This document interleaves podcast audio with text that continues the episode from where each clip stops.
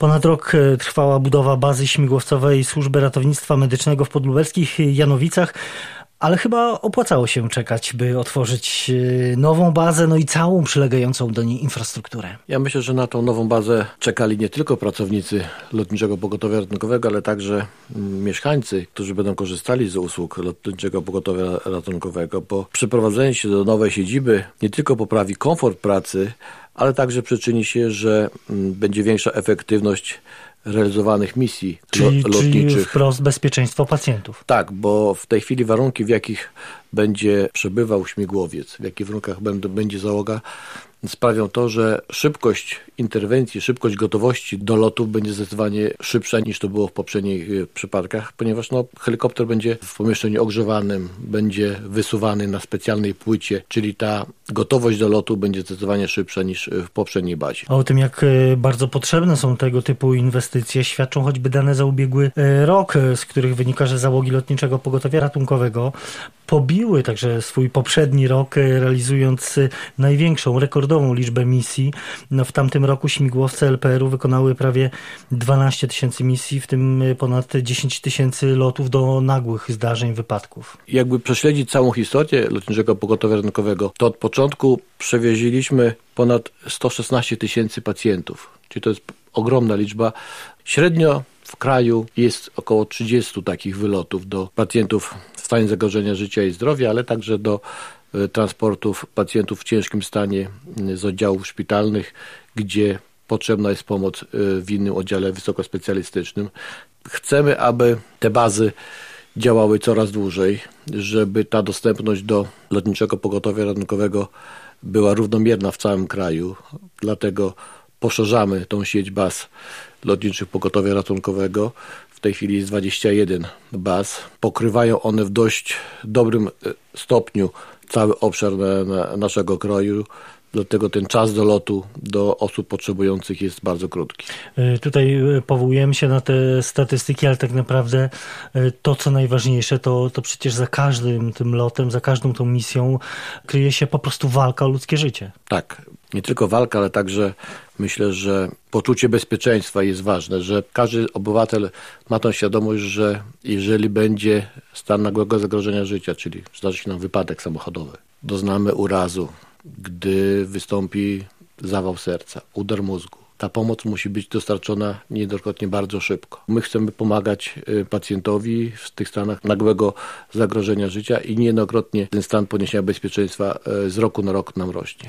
Temu też ma służyć ustawa o Państwowym Ratownictwie Medycznym, ustawa, nad którą y, trwają od ubiegłego roku też intensywne prace. Jest szansa, że w tym roku ona wejdzie w życie, Panie Ministrze? Panie że no chcemy przeprowadzić taką dużą nowelizację ustawy o Państwowym Ratownictwie Medycznym. Chcemy już, aby ten rok jak był tym rokiem zamykającym zmiany w ratownictwie medycznym, bo te małe nowelizacje, one występowały w latach poprzednich. Myślę, że poziom polskiego ratownictwa medycznego, wyposażenie karetek, ilość śmigłowców, ale także i wykształcenie i profesjonalizm osób, które pracują w polskim ratownictwie medycznym jest na najwyższym poziomie. Dlatego chcemy, żeby ten model, który jest w krajach na przykład sąsiednich, czy w Niemczech, czy w Czechach, mówię to akurat o, o lekarzach, którzy pracują w ratownictwie medycznym, w karetkach, E, chcemy troszeczkę zmienić. To znaczy chodzi o to, żeby e, e, lekarz, który współpracuje z załogą karetki, on mógł dojechać na miejsce. Pamiętam, że w tej chwili zespoły tak zwane P, które posiadają na swoim pokładzie tylko i wyłącznie ratowników, są doskonale wykształcone i, i wyposażone. Ten standard tej karetki P odpowiada standardowi karetki specjalistycznej, czyli tej karetce, gdzie jeździ lekarz i doskonale sobie na co dzień te zespoły dają radę. No ale tak jak w życiu, zdarzają się przypadki, w których potrzebna jest pomoc.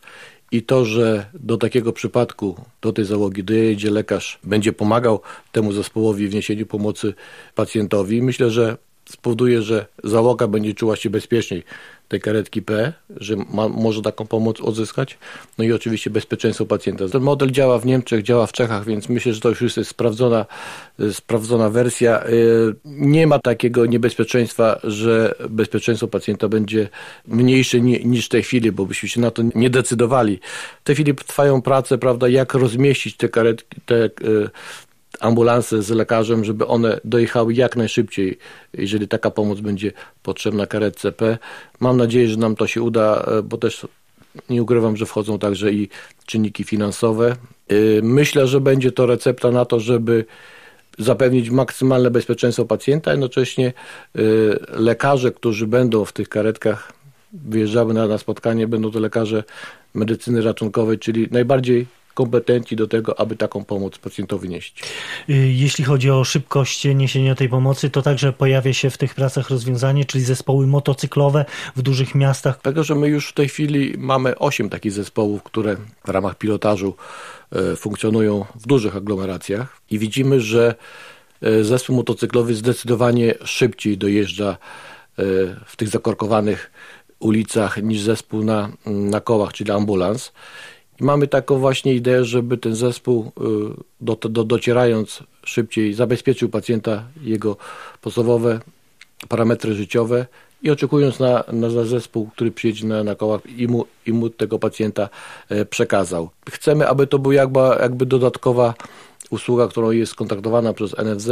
Oczywiście to raczej tylko w okresie letnim, kiedy, kiedy motocyklem można bezpiecznie dojechać do takiego zdarzenia, ale jak pokazuje ten pilotaż, y, zdecydowanie szybciej dociera zespół motocyklowy w dużych miastach niż karetka na kołach. Tym bardziej, że wiele jest y, czasem takich utrudnień stricte architektonicznych także. Pamiętam, że ja 30 lat pracuję w systemie medycznego przed objęciem funkcji w ministerstwie jeszcze dwa dni przed miałem dyżur w karetce pogotowia i rzeczywiście y, czasem, szczególnie na osiedlach, wiele Mm, jest takich utrudnień w postaci słupków, barierek, szlabanów, które w tych nagłych przypadkach zdecydowanie opóźniają czas dojazdu do zdarzenia. Zresztą nie tylko to jest nasza sugestia, jeżeli chodzi o ratownictwo medyczne, także Państwowa Straż Pożarna wielokrotnie o tym y, mówiła i próbujemy, y, próbujemy walczyć z tym, żeby na przykład już pojawiły się takie, takie rozwiązania, że te parkingi osiedlowe, które są zamknięte na przykład szlabanem i reagują na pilot mieszkańca, także reagowałyby na sygnały dźwiękowe,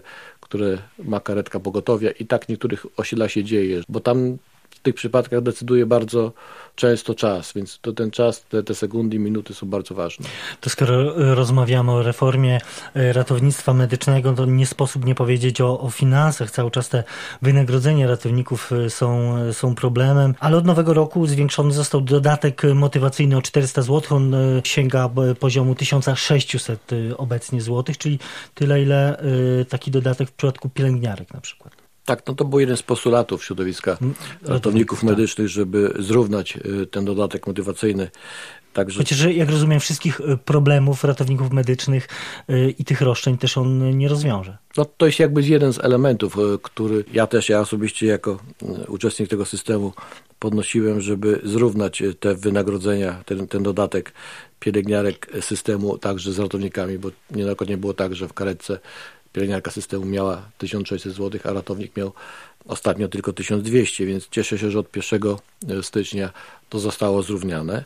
Ale także w 2020 roku o 245 milionów zwiększyliśmy dofinansowanie do zespołów ratownictwa medycznego, czyli tych zespołów, które jeżdżą do zdarzeń. E, nie ukrywam, że cieszę się bardzo z tego, że e, te pieniądze się znalazły, bo praktycznie od 9 lat nie było wzrostu na te na te zespoły. Y, to pozwoli także na podniesienie, mi się wydaje, płac y, ratowników, lekarzy i pielęgniarek y, w systemie ratownictwa medycznego. Dodam jeszcze także, że myślę, że takim dużym sukcesem był, zakończył się program wymiany 200 ambulansów, na które przeznaczyliśmy w ministerstwie 80 milionów złotych. To poprawia bezpieczeństwo pacjenta, poprawia szybkość do, dotarcia a jednocześnie świadczeniodawcy troszeczkę mają lżej, bo nie muszą swoich pieniędzy własnych wydawać na zakup tych nowych ambulansów. Wiceminister zdrowia i pełnomocnik rządu do spraw ratownictwa medycznego Waldemar Kraska był gościem Radia Lublin. Bardzo dziękuję za rozmowę. Dziękuję bardzo.